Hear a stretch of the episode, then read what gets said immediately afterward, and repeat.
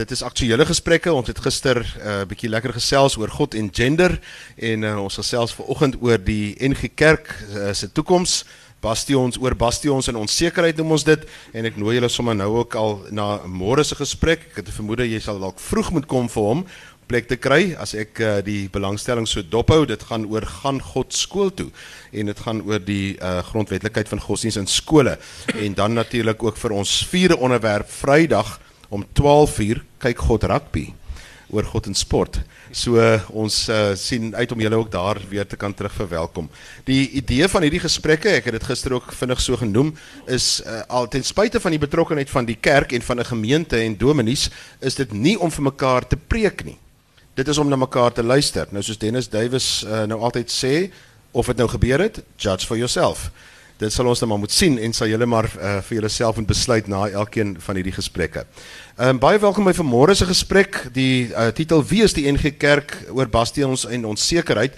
Die gesprekke hierdie week gaan oor identiteit, gegeewe ook dat ons wil aansluit by die tema van die woordfees 16 onsse en die hele vraag van uh, hoeveel onsse is in jou pond. Nou hoeveel onsse is in die NG Kerk se pond? Hoe inklusief, hoe ehm um, uh, lewenskragtig uh, is die NG Kerk om ook omstandighede wat rondom uh, die kerk verander te kan hanteer. Nou vanmôre in teenstelling tot gister het ek ten minste twee van die sprekers daarom ingevlieg.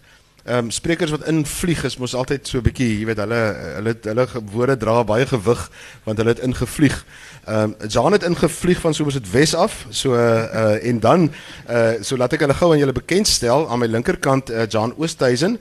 Johan is die voormalige nuusredakteur van die Kerkbode, die amptelike lyfblad van die NG Kerk gewees en uh, sedertdien vryskut joernalis uh, vir Litnet netwerk 24 ensovoorts.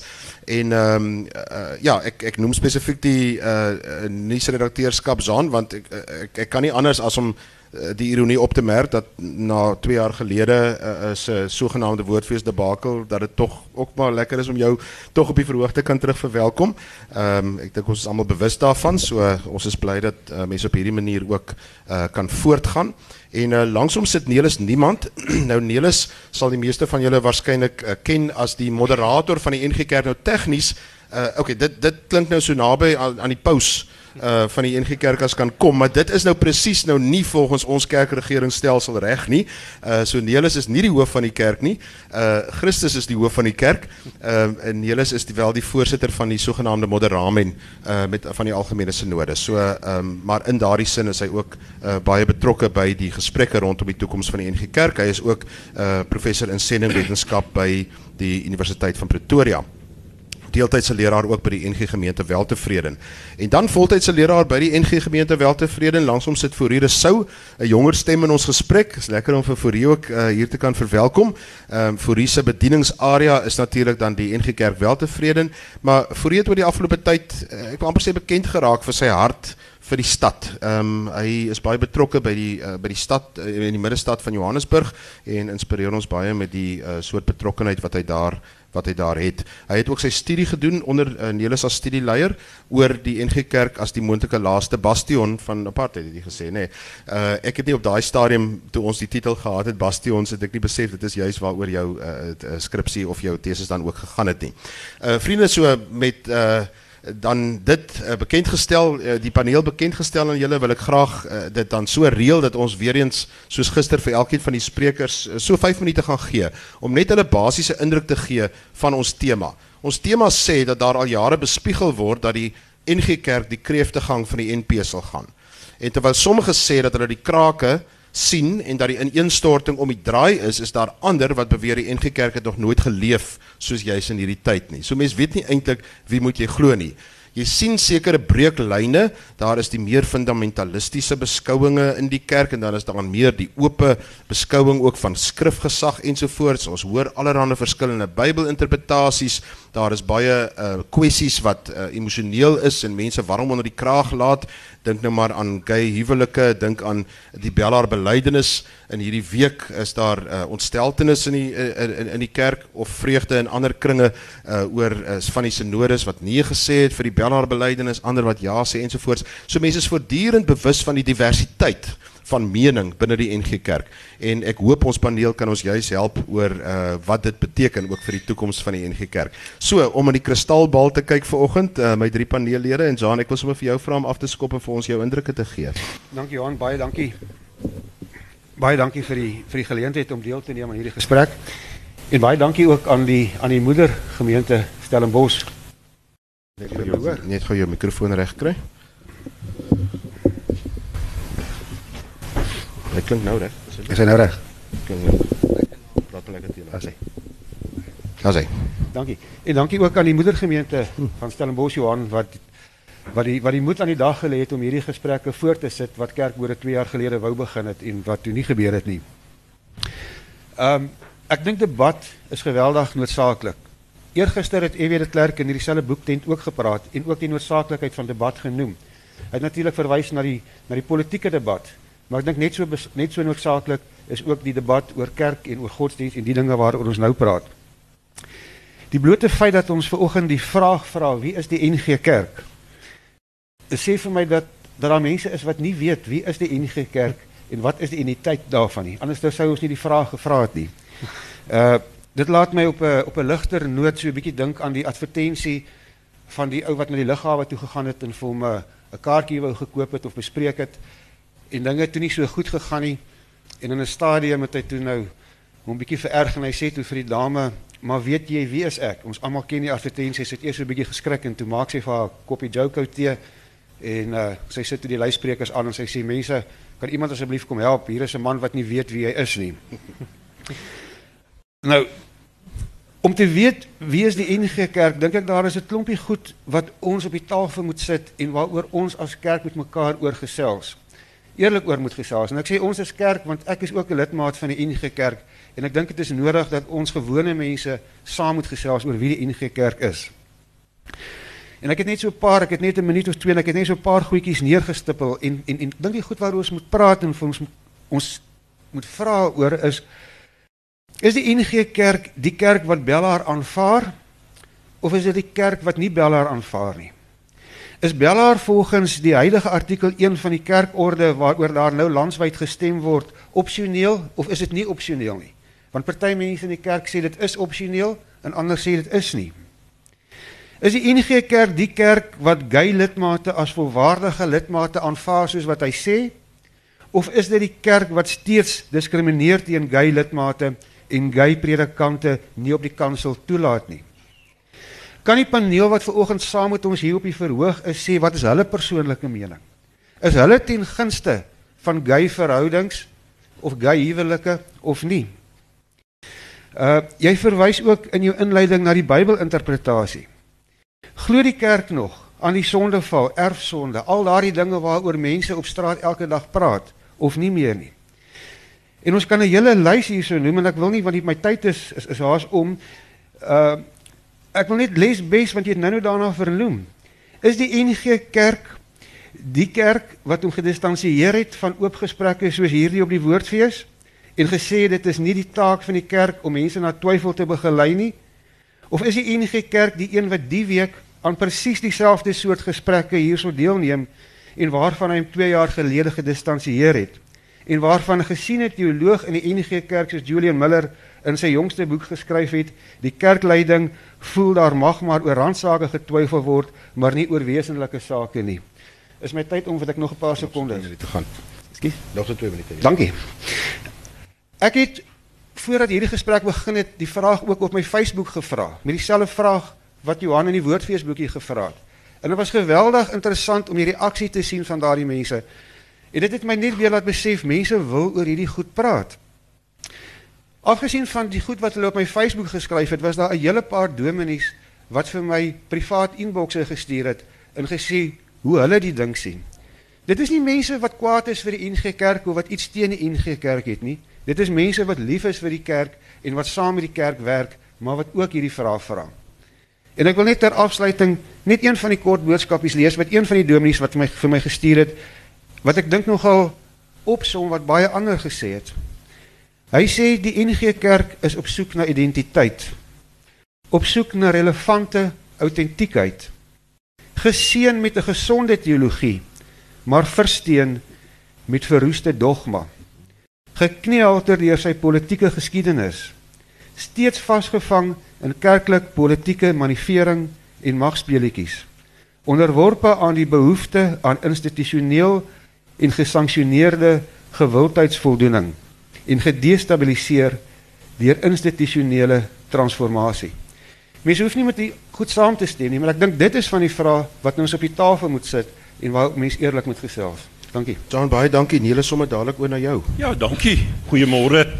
Ek dink die NG Kerk is 'n fantastiese, paradoksale, diverse, veranderende, maar jy weet selfde vreemde, maar tog 'n wonderlike instelling want uh, dis aan die een kant 'n menslike instelling wat bestaan uit mense wat ons familielede en mekaar en jy weet ons gemeenskappe reflekteer.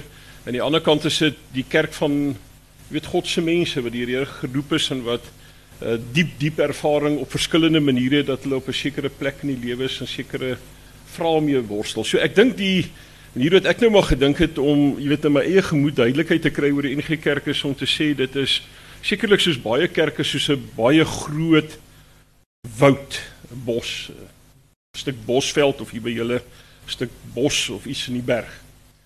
Wat uh baie baie verskillende bome en plante groei en jy het verskillende aspekte daarvan. Uh jy sou nie so half net eensydig oor die kerk kom praat en sê die kerk is net jy weet sien nou maar die moderatuur of die algemene sinode of 'n streeksinode nie. Die kerk is die heel eerste instansie al die mense in die kerk, nê, en almal wat hierdie uh, ervaring het dat die Here in hulle lewe op 'n minder of 'n meerder maniere rol speel en dat hulle geloof probeer verwoord. En dan is die kerk Sondag mense in gemeentes bymekaar. Ek dink dis veral waar die kerk, jy weet, uitdrukking kry is in gemeentes wat verskriklik verskil. Stukke van die bos is daarbo in die noorde of in die droë Noord-Kaap of in Namibië. 'n Stukke van die bos is in die stad. 'n Stukke van die bos is in ander plekke. En uh, daar binne is die kerk baie keer sy preek op 'n Sondag. Mense hoor partykeer as jy uitsaai diens hoor en so hoe praat mense oor die kerk. So dis 'n geweldige diverse ding in die bos, maar nou het hier 'n paar goed met die bos gebeur. Die eerste ding is is dat uh jy weet op 'n manier die eienaarskap nie van jy weet groot uit 'n metavlak uit van dat dit die Here se bos is nie want dit glo ons almal.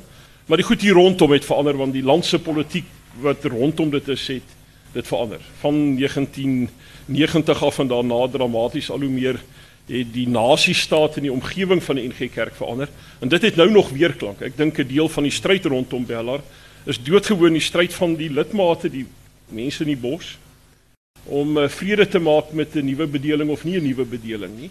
En uh, ek het ek skal later 'n bietjie praat sterk opinies oor hoekom dit gebeur en wat daar nie gebeur is. 'n Tweede ding wat in hierdie bos gebeur is daar's 'n virus los wat 'n klompie van die bome laat doodgaan en jy weet daar's 'n baie uh, gevaarlike virus wat ek nou maar wil noem konsumerisme waar mense hulle identiteit uh, maak in terme van wat hulle is, wat hulle verdien of hulle besittings wat hulle het. En dit maak 'n deel van die bos dood. As 'n ander deel, ek weet nie hoe uh, virulent of hoe uh, aktief dit is nie, 'n sekularisasie wat jy weet soos 'n wind oor hierdie bos waai en goed hier indra en dit beïnvloed dit. Daar's 'n derde deel wat in hierdie bos gebeur en dit is daar's nuwe groei. Daar's op allerlei plekke en jy dit in die titel gesuggereer, nuwe plante wat opkom. Wat vir mense allerlei vrae vra, jy weet as jy dalk te groot bome wat die skade weer in die sondig en die suurstof steel, vat van klein nuwe groei wat opkom of gaan daai nuwe groei uiteindelik die nuwe groot bosse word. Ek is byvoorbeeld baie hoopvol dat daar allerlei dinge is waaroor ons later kan praat, nuwe gemeentestigtings transformasie van gemeentes wat beter by hierdie veranderende omstandighede aanpas. Ander wat sterk bome is en sê maar, jy weet, ons staan hier totdat ons doodgaan. En dis alles die NG Kerk op verskillende maniere. 'n Plek waar ek verskriklik, jy weet, lief geword het vir mense, maar wat ek partykeer verskriklik gefrustreerd word met dieselfde mense. Want dis eintlik maar hoe ons samelewing lyk. So ek dink in 'n sekere sin is die NG Kerk nog uh, op 'n groot manier nie meer eksklusief nie. 'n spieelbeeld van wat in die sogenaamde Afrikaner gemeenskap aan die gang is, maar word dit ook 'n spieelbeeld van iets meer en iets anderster in verandering, in transisie. Die bos lewe nog. Kom ons kyk waartoe groei hy. Baie dankie Nelis. 'n uh, boek wat Nelis geskryf het is juis nuwe drome vir nuwe werklikhede. Ek dink jy het iets daarvan ook uh, verwoord nou. Uh Fourie, jou perspektief. Dankie, dankie Johan. Uh, dankie moedergemeente vir die geleentheid om hier te kan gesels. Jan en Nelis, dankie om ook saam met julle te kan gesels groot voorreg. Dankie Nelis vir 'n besondere metafoor. Ek dink dit het my nou persoonlik baie baie gehelp. Ehm um, Jan, jy het 'n opmerking gemaak oor ons ons kerk. Die eerste ding wat by my opgekom het is die vraag dan ook ehm um, wat Johan wat jy op die tafel sit van as, in die groot tema hoeveel ons is in ons pond, dan dink ek vir, vir die vraag van ons is dat uh, vir 'n groot gedeelte van ons is die ons 'n uh, klein bietjie besoedel deur die onsse Vader en die sing van ons vir jou Suid-Afrika. En ek dink daar is miskien 'n uh, lang pad van um kom ons noem dit dan nou maar om te detox van hoe ons die ons ge, gedefinieer het. Ons het so 'n paar weke gelede op ons gemeente se Facebookblad het ons 'n Mosambiek uitreik geadverteer 'n klomp jong mense wat jaarliks sin toe gaan en een van die heel eerste opmerkings wat 'n lidmaat gemaak het is maar wat van ons eie mense. Ons hoor dan net altyd van julle hulp daar ver. Terwyl eintlik in die verbeelding van die Christelike spiritualiteit is elkeen wat homself 'n volgeling van Jesus noem, is ons eie mense. Sou mens kon sê jy kan selfs baie ver kyk en sê die ganse menslike geslag wat versoen is met God is ons mense. Ek dink daar's 'n uitnodiging om ons ons eintlik baie groter te maak as as wat ons doen. Ons het Sondag aand het ons belydenis van geloof geleentheid gehad vir 32 jong mense. Ek dink 32 jong mense van 'n nuwe generasie wat ek dink juis wat Nelis op die tafel sit 'n groter gevaar het rondom um verbruikersmentaliteit en 'n identiteit vind binne in geld en in wat hulle gaan verdien eendag en miskien minder besig is met um hulle identiteit binne in politiek en in samelewing iets wat as ek dink as 'n gemeenskap ook miskien moet moet van notisie neem en en gespanne wees daaroor.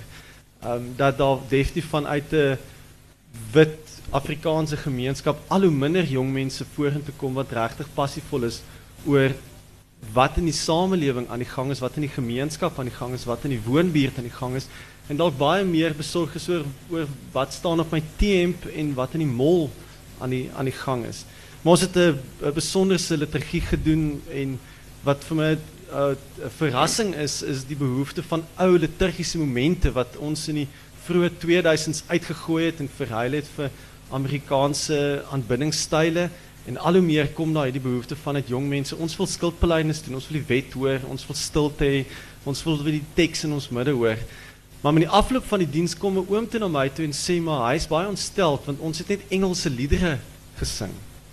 En ek vra vir hom, sê te vir hom, maar die kinders het dit gekies en hy sê ons dominees moet tussen beide tree as kinders sulke Engelse liedere kies, want dit is 'n onding en hy sê toe dat ons moet verstaan dat godsdienst is 'n onderbou van ons kultuur.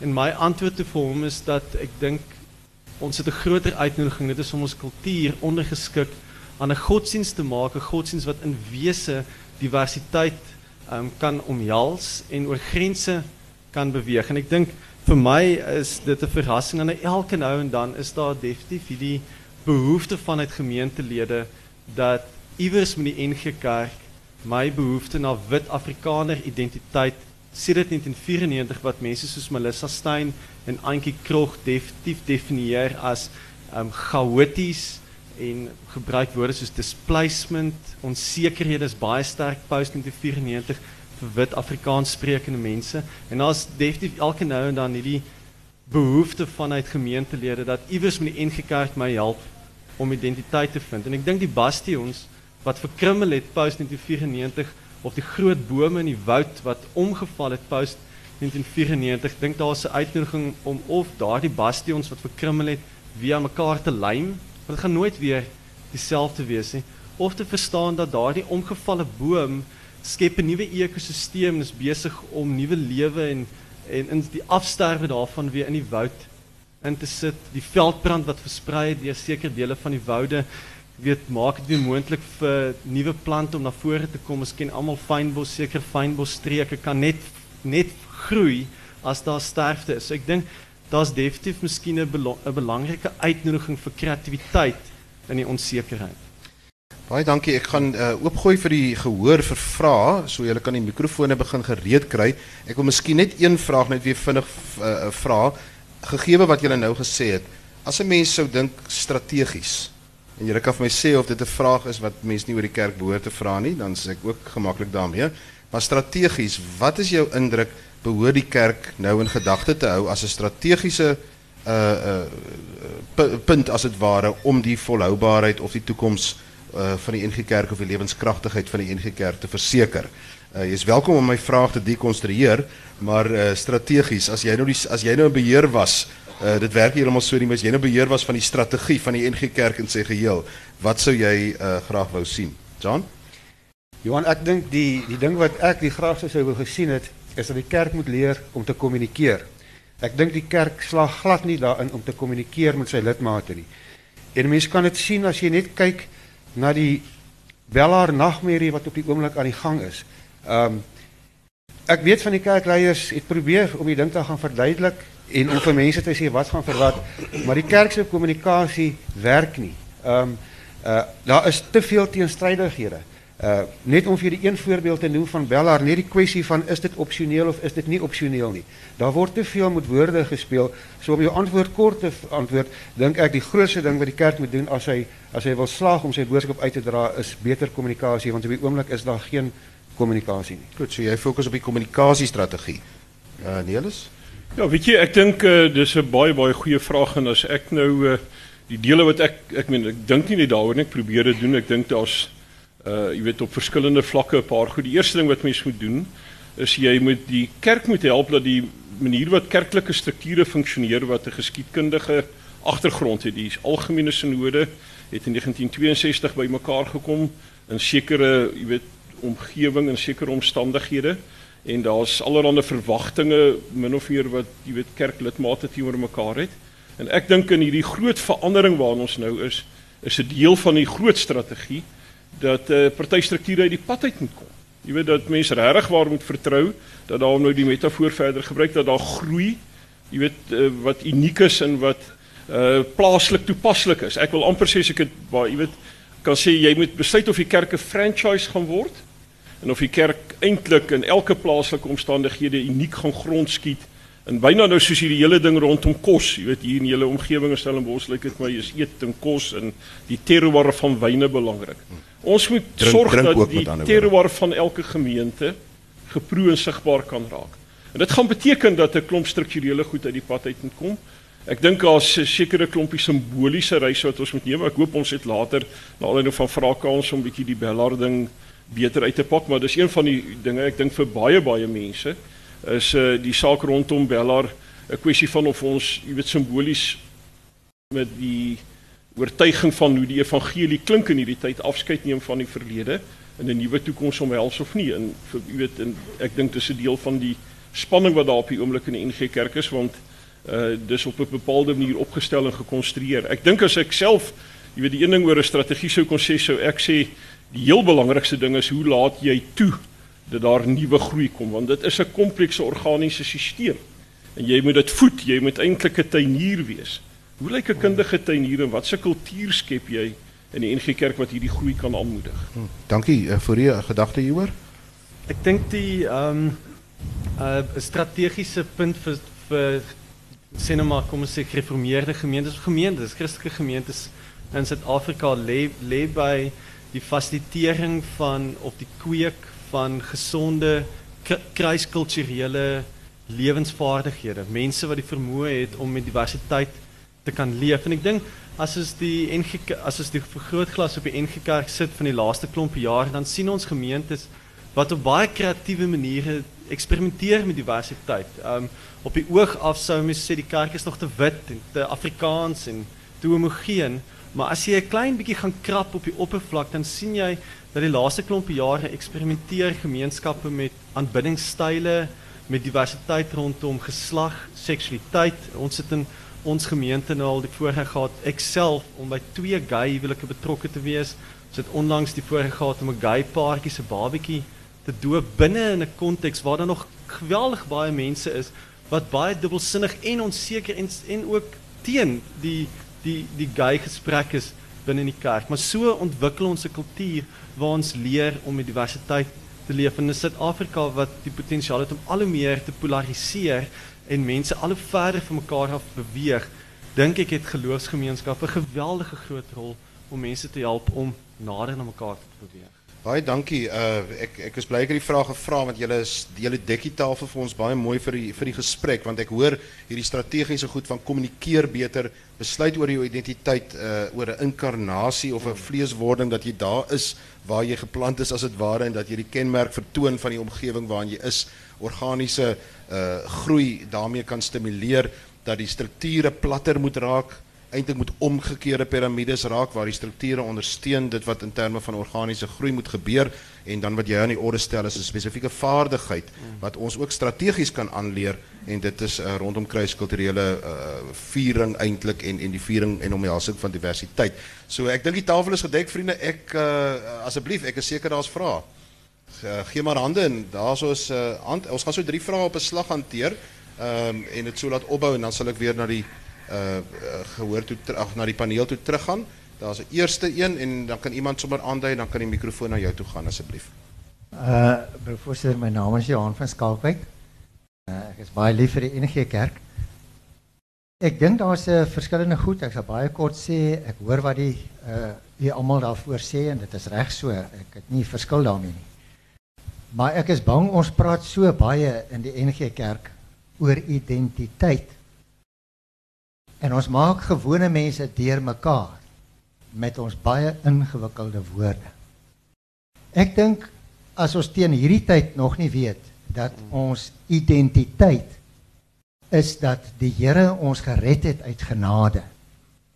En as ons daardie identiteit op watter manier dit toepassing vind in elke gelowige. Dit is nie vreeslik belangrik nie, maar dat elke een waaragtig dit doen wat 'n Christen na sy mening behoort te doen. Dan gaan ons mekaar makliker reg skawe. So ek dink ons moet ons moet ophou om te praat oor die gewone goed. Die struktuur en al daai goed is verskriklik belangrik. Maar ons verloor baie mense omdat ons praat en praat en praat en ons is voortdurend besig met die issues. As ons nie vir 'n dekade lank besig is met die issue rondom homoseksualiteit nie. En dan is ons besig om vir dekades te praat oor Bellaar. En ek verseker u, baie lidmate is baie verder as dit. En sal makliker die goed hanteer as ons ophou karring daaroor. Dit is soos botter wat nooit klaar geroer word nie. Uh en daarom wil ek sê as as daar nie 'n slaggie hierdie beswaardheid in ons kerk en in baie lidmate se gemoed. As ons nie nou kan leer om daarvan ontslae te raak nie en ons leef nie met 'n lig in ons oog en 'n lied in ons hart ten opsigte van die koninkryk van God. Ek wil nie vir die tekste aanhaal ek ken dit beter as ek. Maar Matteus 6:33 soek allereers die koninkryk van God. Die ander goed sal bygevoeg word. En ons moet ophou om te praat, ons moet leef wat ons is. Ek wil maar eers net dit sê. Baie dankie Johan. Uh nog 'n uh hand. Nog 'n mikrofoon. As jy Dankie Johan. Dion Kitsing hierdie kant. Ek is hier van die Parel af. Ehm um, ek hoor al die vrae. Ek dink daar is so een of twee goed wat ons 'n bietjie dieper in moet boor. Julle vraag ehm um, wat op die tafel gesit is oor kommunikasie dink ek is relevant. En so ook 'n hele paar ander goed, maar ek dink die hele ding is uh, vir my uh, gaan dit daaroor dat vir 'n groot geslag van ons teologies gesyn het die die kerk uh, uit taal uit oor God gehardloop. Uh die vorige twee sprekers uh het goed uit hulle hart uit gesê wat vir my ehm uh, ek ek erken hulle en ek het waardering daarvoor. Maar dit is nie meer vir my relevant nie doodgewoon omdat ek worstel met goed soos hoe ervaar moderne mense God vandag? Hoe praat moderne mense oor God vandag? As jy vandag praat oor skrifgesag en skrifgesag op die tafel sit en daaroor wil praat, dit is my fundamentele goed oor 'n taal wat ons moet begin aanleer. Ehm um, so dit lyk vir my of ons besig is met 'n 'n ei wat ons afdop en afdop en afdop om ergens te probeer soek na wat lê in die kern. En om op 'n goedkoop manier te sê gee jou siel vir Jesus, 'n geredde lewe. Dink ek is net vir baie mense en ek is nie meer jonk nie. Is dit vir my irrelevant? Ek dink nie meer so oor God nie, ek dink nie meer so oor die kerk nie. Ek dink nie meer die NG Kerk is my verlossing nie. Ek is, uh, het belang in die NG Kerk dis wanneer ek groot geword het. Maar dis 'n sosiale konstruk. Daar's hordes ander kerke wat deur die eeu gekom het, gegaan het. En die NG Kerk kan ook kom en gaan. Wat egter belangrik is, is dat ons moet besef die kerk speel in die markplein. En dit is daar waar Belhaar die simbool geword het vir baie van ons. Nie in die sin net van dit is 'n uh, Ellen Boesak dokument nie of dit is dit of dat nie. Maar dit het 'n simbool geword van 'n intoleransie van mense wat sê soos Eberhard Jungel, die Duitse teoloog gesê het, wat God altyd vasvang in noodwendigheid en nie in die moontlikheid. Hm. En dis waarvoor ek pleit is dat 'n kerk begin sê maar luister daar's ander moontlikhede. Daar is ander moontlikhede buitekant die gatedebat en buitekant Belhaar, ja al die goed. En ek dink die metafoor van Nelis in terme van die woud is 'n goeie metafoor, maar hy is nog nie lewenskragtig genoeg om te sê luister, ons gryp die moontlikheid aan. Ons gaan nuwe goed formuleer oor Christus. Die hele vraag oor die koninkryk, God, die ervaring van God, die werklikheid, die kosmologie, die gesprek met die wetenskap, die interfaith goed. Dit is goed wat wat ek dink krities op die tafel moet kom. Ek stel glad nie meer belang of die algemene sinode dit besluit of dat besluit nie. Ek stel glad nie meer belang eerlikwaar of my gemeente in die oggend 3 of 5 of 10 gesange sing. Want die gesange waaroor hulle sing gaan net oor hulle self. So ek gaan nie meer in die oggend kerk doen nie. Nie omdat ek ehm uh, ongelowig is nie. Maar ek is deel van 'n hordes mense wat rondom my elke dag sê, luister, my ou, kyk na die woorde wat jy sing gaan lees 'n boek langs en dan kyk jy en dan vra jy vir jouself, kan jy nou so God op so 'n manier aanhoudend dien? Dankie. Uh Dion baie dankie. Ek ek miskien wil ek twee uh geleenthede gee vir die paneel. Ek dink dit is goed dat ons by Belhaar uitkom uh en die mening daaroor kan ek eers 'n ronde so hou Belhaar gou terug. Kan ek eers 'n ronde vra oor die lyn wat ek hoor tussen hierdie drie vrae van skrifgesag en taal en hoe ons in 'n moderne wêreld uh, hoe moet ons aanpas by 'n moderne wêreld? uh het die Bybel dan nie gesê ons sal altyd wêreldvreemd wees nie. Uh hoe moet ons taal aanpas? En in die aanpassing van taal en in die herdefinering van skrifgesag is ons nie besig Johan se vraag om lidmate ontsettend te verwar terwyl ons eintlik net uh, 'n baie duideliker standpunt moes ingeneem het van wie ons is en wat die kern van ons identiteit is nie. So uh vir u kan ek sommer oor die punt uh, by by jou kant begin die keer en uh, as ons dan net daarna gaan ek gou vir julle vra dat ons tog net die bellaar ding uh, gou so 'n bietjie op die tafel sit. Ek dink vir ons in 'n gemeente op 'n baie pragmatiese praktiese punt het ons gaan dit vir vir ons geweldig moeilik wees om so 'n kerk te wees. 'n Kerk wat weekliks so kyk net verskyn op die TV iewers. Elke keer as Nelis praat, dan kry ons almal 'n rustigheid want nou weet ons weer waartoe ons op pad is. Dink in in die hart van ons gereformeerde identiteit lê onderskeiding as 'n baie belangrike komponent van wat maak 'n kerk 'n kerk. Geloofsgemeenskappe wat na die Gees luister. My gespannenheid met skrifgesag, net die woord soos wat dit hier, hier funksioneer en ek dink dalk het Dion iets daarvan op die tafel gesit is. Dit skep vir my die verbeelding dat God het 2000 jaar gelede en 3000 jaar gelede gepraat, geopenbaar en sedertdien is God stil en al wat ons nou moet doen is ons moet hierdie teks net op ons kop sit en met hom leef. Maar ons weet die teks is baie kompleks want ons loop eintlik in 'n biblioteek en party van daai boekrak het ons lankal lanklaas gaan besoek en is vol stof. Um en party van ons lees maar net die ou gunstelings oor en oor en oor. So vir my lê die lê die uitnodiging eerder in skrif gerig, skrif genooi waar ons uh, ruimte skep waar gemeenskappe rondom die skrif bymekaar kom en luister na die opgestane Christus, die lewende Here in ons midde wat vir ons koördinate gee vanuit die skrif. Um maar as ons in hierdie woud wandel, dan kom ons agter van hierdie padkaarte wat ons het Jy weet hier was 'n branddeur. die vloed het 'n klomp bome weggespoel. Jy kan nie meer hier deur nie. Die rivier bestaan nie meer hier nie. So jy moet nou aan die ander kant omloop. So ek sou wou wou saam met Dion pleit dat um skrifgesag nie 'n uh, 'n uh, 'n vaste punt van die verlede is wat ons die hele tyd copy paste nie, maar dat dit eerder 'n dinamiese gesprek is met tussen ons, die woord en die gees. Dankie. Tipies soos ek jou ken het jy vir ons nuwe terme op die tafel gesit. Dis interessant. Skrifgerig en skrifgenooi uh in plaas van net skrifgesag. Ja. Dis interessant. Dankie. Nelis? Ja, ek dink uh by ouend hoop ek dat ons in die kerk besef dat Jesus Christus het gesag. Hier in Stellenbosch kan ek miskien die beeld gebruik uh, as ek nou gaan sien hoe hulle wingerd oplei. Dan uh, is is daar prieel. Wat noem jy die goeders, daai paal en dan hang daar drade. Is dit 'n prieel? Ek's nou weet ja. uit die noorde uit met daai prieel. Dan word die wingerd tros daarin opgelei. Vir my is dit, jy weet, ek herinner my aan die baie mooi metafoor in die Bybel wat Jesus sê ek is die ek is die druiwetros en julle is die lote. Daar's 'n diep in een gevlegtheid tussen die kerk as die jy weet die die die, die druiwetros en Jesus is die lewe self die tros daai. En ek dink die fout wat ons baie keer maak, daai prieel is die goeters wat help dat die lyk dit vir my hierso dat die oes beter dra, wat moet help dat die druiwe tros mooi hang, lig kry, goed geoes kan word, lekker wyn gemaak kan word daai.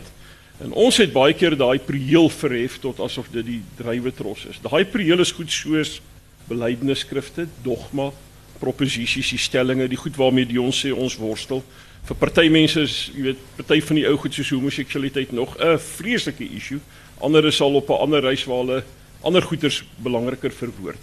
En dit is 'n geweldige uitdaging want hoe verwoord jy hierdie misterie en te gelykheid die selfevidente teenwoordigheid van God in ons lewe. Dit is 'n ek wil maar amper sê ewige reis. Daar's altyd as jy deur die Bybel reis, lyk dit vir my was in alle geval die Bybelskrywers nie so kontant klaar gepraat. Jy weet daar's daar's daar's 'n godsbeeld wat jy kry in die Pentateeg. Daar's 'n godsbeeld in die Psalms, daar's partykeer by van die evangeliese godsbeeld wat baie baie meervoudige skakerings het wat oor hierdie uh diep diep teenwoordigheid van die lewende God in ons lewens uit verskillende oogpunte kyk. En ek dink daarom is van die belangrikste goed wat 'n kerk kan koester is hierdie verskillende stemme. En ek gee John heeltemal gelyk, daarom is die gesprek, die kommunikasie daaroor dinge plekke waar ons geweldig moet leer en ek dink ons baie baie tekortkominge het om dit behoorlik en goed te hanteer. Uh dis natuurlik nie net eenvoudig soos ek nou dit dalk vir eenvoudig om te sê, jy weet Christus is hierdie druiwetros en ons is die lote. Jy weet dit is nog steeds 'n gespanne verhouding. Hoe is ons volledig, jy weet in die wêreld, maar nie van die wêreld nie. Die Bybel erken dit. Dis 'n paradoks. In die oomblik wat jy met paradokse werk, werk jy met teenoorgesteldes wat dieselfde tyd waar is. 'n Dinamika, spanningsveld. Dit gaan altyd by ons bly en ons gaan dit altyd hê. Die punt is daar's maniere om dit te hanteer. Onderskeiding, gesprek, kommunikasie. Baie dankie Jean oor skrifgesag. Ja, ek wil net eers terugkom ook na wat Fourie vroeër gesê het van ehm um, dat daar groei is in gemeentes en sekere gemeentes dat hulle eie ding doen, die goed waarby hy betrokke is. Dis fantasties. Daar is sulke gemeentes. Ehm um, ek dink jou eie gemeente is ook so 'n gemeente. Ek was ook al betrokke by sulke gesprekgroepies. My probleem is dat Fourie praat byvoorbeeld van uh, hulle was betrokke by uh, by gay verbintenisse. Maar wat is die realiteit van die saak? Die NG Kerk laat nie een van sy dominees toe om 'n burgerlike verbintenis te bevestig nie. 'n Dominee wat dit doen, kan uit sy amp uitgeskort word. Dit is die realiteite waarmee ons sit. Ehm um, skrifgesag. Dit is 'n ontsettende belangrike ding. Verskillende sprekers het dit hierso genoem. Ehm um, en dit is daar dink ek waar ons die olifant in die kamer miskyk vandag. En ek dink Dion het dit het 'n baie belangrike gedoen wanneer hy sê ons moet oor 'n ander taal oor 'n ander taal praat. Ehm um, Hier is 'n boek wat wat Julian geskryf het, Geloof anderkant Sondag, Christendom met of sonder die kerk. Dit is die goed waaroor gewone lidmate vandag praat en waaroor hulle worstel en waar hulle graag leiding van die kerk wil hê en wil hê kerkleiers moet vir hulle sê hoe hulle voel. Nie noodwendig dit is soos dit is nie. Ehm um, maar skrifgesag is waaroor dit gaan. Al sê die kerk dan net goed, ons aanvaar dat mense anderster dink oor hierdie goed. Kom ek neem net Ag daar's baie voorbeelde, maar kom ons kom ek noem net een waaroor ons hierdie week hier in die boektent oor gesels het. Die vraag wie is Jesus? Nou kan mense sê almal weet wie is Jesus? Jesus is God. Maar dit is nie so eenvoudig nie.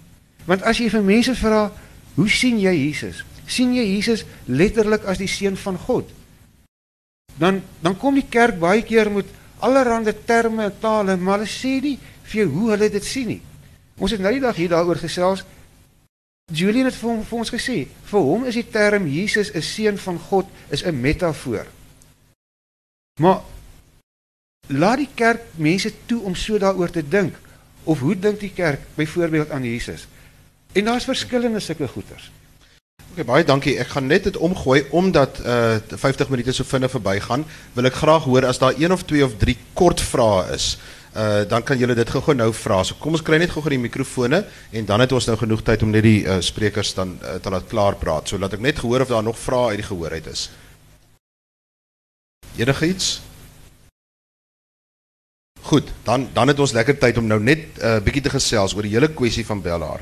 Ehm um, Jean het dit nou verskeie keer aan die orde uh, gebring rondom die kommunikasie daar rondom. Ek wonder Nelis of jy nie miskien eers wil reageer daarop nie. Ja, uh ek sou daaroor my waarneming uit die ek probeer nou al die streeksnodes bywoon uit die aard van die saak het die hele ding nou nogal 'n groot impak op my lewe gehad omdat ek by baie van die goeters moes gaan luister en hoor. Uh my eerste waarneming is dat uh uh daar rondom Bellaar vir my uh, een verrassende ding na vore staan. Baie baie sterk. En dit is hoe baie NG lidmate geweldig passievol is oor die storie. Uh dit het eintlik my verwagtinge oortref. Uh mense moet regtig die ding in perspektief sien. Uh die feit dat daar by baie baie streeksinodes gesprekke daaroor is en die intensiteit van die debat daaroor en die passie wat daaroor die ding is. En veral, jy weet nou, ek luister natuurlik bevooroordeeld want ek ondersteun dit met my hele wese en ek leef die besluite van die algemene sinode daaroor uit. So miskien is my soos enige luisteraar is my benadering daartoe gekleurd, maar dit is ek nie skaam oor nie. Maar die feit van die saak is is dat daar 'n uh, 'n soort van 'n energie oor hierdie saak in die NG Kerk is wat baie intenser en meer is as wat ek verwag het. En selfs by plekke nou soos in die Noord-Kaap wat twee dae terug die afgelope twee dae vergadering gehad het, moet mens nie onderskat dat daar geweldige energie uitgaan van daai derde. Want dit is wat in die Noord-Kaap gebeur het, net 'n derde van die stemme in die sinode was positief daaroor en twee derdes was al teen. Maar dis 'n intense derde. En ek dink dit gee vir my hoop en sê vir my maar hier is 'n uh, jy weet 'n soort van 'n gesprek wat hier nie was nie. Daar was 5 jaar terug in 10 jaar terug. Nou mense kan baie praat Dion of dit jy weet 'n passy gesprek is om verby is. Die feit van die saak is dis is baie duidelik vir 'n groot klomp lidmate 'n geweldige issue. Jy kan dit weet as jy daai reis gemaak het en ek kan ons dit nie ignoreer dat ander nie die reis gemaak het nie. Uh mense sit natuurlik met die hele erfenis en ons moet dit baie baie goed verstaan waar dit vandaan kom. Twee dinge, die erfenis wat ons het oor dat die ooreenkoms wat die NG Kerk Algemene Sinode streek sinodes met mekaar in 62 gemaak het het histories in 'n sekere tyd gebeur. Oom Pieter Kap kan bietjie daaroor dalk later vir ons meer lig gee, maar jy weet republiekwording, die feit dat elke streeksinode met 2/3 moet saamstem met enige wysiging van beleidnes wat in 'n sekere sin van hoe die nasiestaat funksioneer en so ingebed is. Ek dink natuurlik dis 'n massiewe fout. In die kerk werk ons nie so nie, maar nou sit oor regspraak en die ooreenkoms met mekaar gegeewe. Ons moet dit hanteer, ons kan nie daarby verbygaan nie, anders sal ons al vol nêrens kom met dit nie. Ek hoop in op voetspoor van wat voor u gesê het dat ons daar transformasie in die kerk kan kry oor hoe ons onderskei en hoe ons anders daaroor dink. Want dis die tipe impasse waarna ons vasval. Die tweede ding wat ek baie vinnig wil sê is natuurlik het ons nie vreeslik baie ervaring ook in gereformeerde kerke behalwe die laaste 10, 12 jaar waar belydenisvorming nou plaasvind. Want belydenisvorming is nooit 'n statiese ding wat jy so meganies met 'n meganisme inskop en nou het die ratte almal jy weet in mekaar geskakel en sit van dag een af anders doen. Dis nog altyd 'n proses. Ek sou nou uitvoerig kom praat oor die sinode van Dort. Nie net oor 3 jaar nie, maar wat die 80 en die 100 jaar daarna gebeur het voordat selfs die Dort se leerreëls belydenisskrifte geword het, want dit het nie in 16 whatever 18 en 19 gebeur nie. En ek dink mense, jy weet ek sien 'n proses van belydenisvorming wat oor tyd gaan loop. Dit gaan nie verdwyn nie. Dit gaan nie weggaan al het Noord-Kaap met 2/3 derde gesê nie dit gaan 'n blywende ding wees totdat daar en ek kan later daaroor totdat daar of 'n herskikking van kerkverband kom of op een of ander wyse 'n wyse akkommodasie rondom Bellaar kom. Vir wat is jou indruk van kerkeenheid na na artikel 1 se goed se afkeuring dan eintlik seker. Ja, dit ek ehm um, ons het uh, nou ook Sondag ons proses in ons gemeente afgesluit en ons gemeente stap nou al 'n geweldige lang pad rondom gestuurde gemeenteproses. En vir my was die skokkende teleurstelling dat ons net net net net 'n 2/3 stem gekry het vir die beller. En ons het gedink in ons gemeente is dit redelike eenvoudige proses omdat ons ook al so lank met die beller teks werk met ons jong mense wat belydenis van geloof aflê en ons gebruik die beller teks daarvoor. Ehm um, so dit aan die een kant is daar 'n persoonlike gevoel van ai ons jy weet die proses is geweldig stadig, maar Nelis help my om te verstaan dat wat wat ons as kerk hier besig is en dit is in 'n sin wêreldsvreemd as ons kyk na die spoed van die wêreld rondom ons is die kerk baie stadiger met sulke prosesse. En miskien ehm um, is hierdie 'n nuwe uitdaging vir ons om te sê wel daar's gemeenskappe met geweldige pyn en seer. Ehm um, met geweldige vrae en vooroordeele en aannames. En dalk is hier nou 'n volgende ronde van kreatiwiteit, kommunikasie wat Jan op die tafel sit en sê wel nou die NG Kerke volgende rond en sê wel kom ons begelei gemeenskappe nog 'n keer, maar nie noodwendig net rondom Bellar nie, maar dalk is die groter begeleidingsprosesse wat ons wat ons nodig het rondom ons um, diep gewortelde vooroordele en rasisme, ons ons polariserende gemeenskappe wat dit word al erger in ons in ons landskonteks. Uh, en ek dink daar's vir my in elk geval terug na my gemeente toe 'n gevoel van bietjie back to the drawing board om um mense weer weer saam saam te kry. Het net 'n een laaste opmerking kan maak. Vir my een van die verrassende goed in Antjie Krog se boek Begging to be Black is dat hier in die middel van die boek waar sy nou wonder oor haar identiteit binne in Duitsland, sy dink terug na Suid-Afrika, wie sy is, haar land, dan onthou sy 'n boer boerbeskuit resep van haar ma. Hier in die middel van die boek gee sy 'n baie praktiese boerbeskuit resep.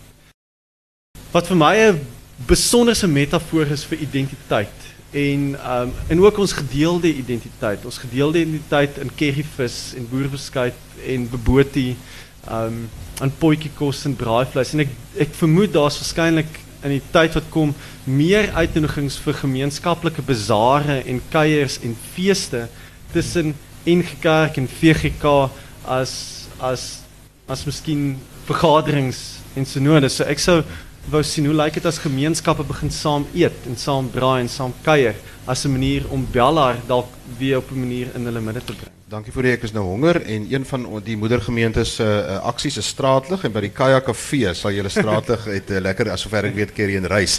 Uh Jean is jou vraag nou beantwoord oor Bellar. Jy het 'n paar vrae. Nee, nee, nog steeds nee, nie. nee, glad nie. Hulle het dan so mooi gepraat. Nee, nee, nee glad nie. Ehm um, wat jy sien ehm um, uh ek dink my persoonlike gevoel is dat ons in elk geval heeltemal te veel maak van belydenisse. Nie net van Bellar nie, maar ook van van 'n van 'n belydenis soos Dort.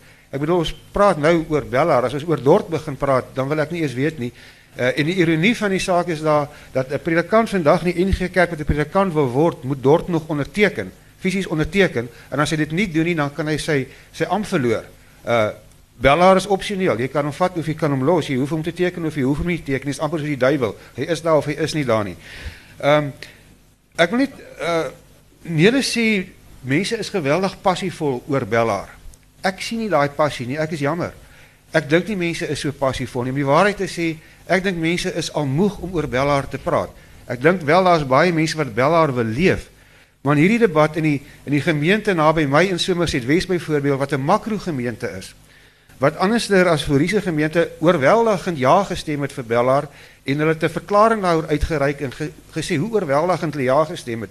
En toe ons gaan kyk wat was die stempersentasie, toe was dit 0,065% mense wat gaan stem het. Dit is die passie wat daar in Helderberg gemeente oor Bellaar is. Uh ek dink hoekom mense moeg is vir Bellaar is omdat hulle nie meer weet wat sê die kerk eintlik nie. Is Bellaar opsioneel of is hy nie opsioneel nie?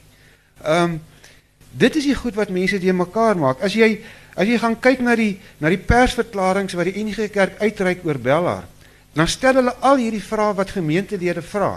En as jy dit klaar gelees het, is jy nog meer te mekaar as wat jy was voor jy begin lees het. Hm. Enige laaste woord van jou af ook uh, in die algemeen Zaan want dan gaan ek uh, vir hulle kans gee en dan moet ons klaar wees. Nee, Johan, baie dankie en dankie vir die gesprek. Ek dink dit is 'n wonderlike gesprek en dankie dankie vir Nelis en vir Fourie wat kom saamgesels het.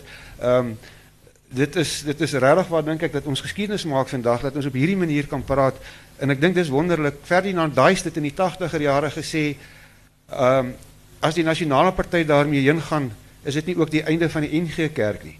Of hy reg was, weet ek nie. Die tyd sal moet leer. Van 1985 tot vandag is daar amper 500 000 mense weg uit die NG Kerk uit. Hoekom weet ons nie.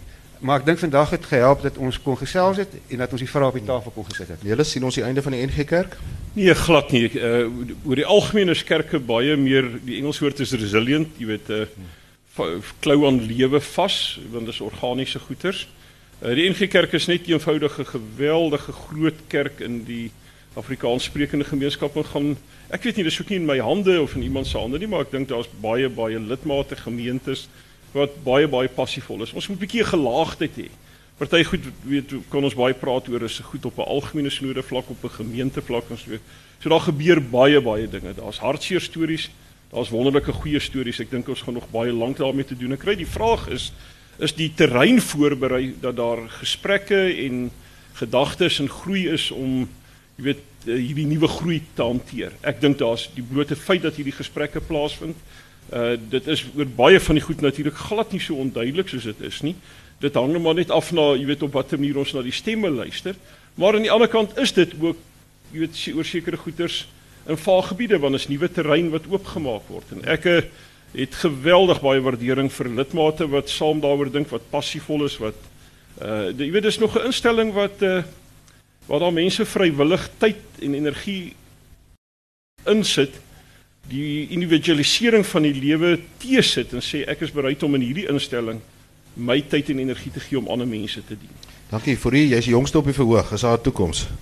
Ek dink die ehm um, NG Kerk wat ons sit geken het vir baie lank is verby en dit is alles sterwend, die bome is besig om om te val. Ehm um, maar dis vir my 'n hoopvolle teken, daar's so 'n nuwe geleentheid vir nuwe geboorte, nuwe groei. En ek dink wat ek uit die gesprek het haal is dat die krake in die bastions is asemhaal spasies vir kreatiewe skepende gees. Baie dankie uh vriende. Daar's nou 'n baie lekker uh positiewe noot om af te sluit. Ek dink wat uh wat ek geniet van hierdie gesprek is die bereidheid om hand in eie boesem te steek, die eerlikheid, die broosheid op 'n manier en uh ek wil vir julle drie baie baie dankie sê vir julle teenwoordigheid en vir elkeen van julle ook en ons sien mekaar hopelik môre weer. Baie dankie vir hierdie res van die woordfees. Dankie.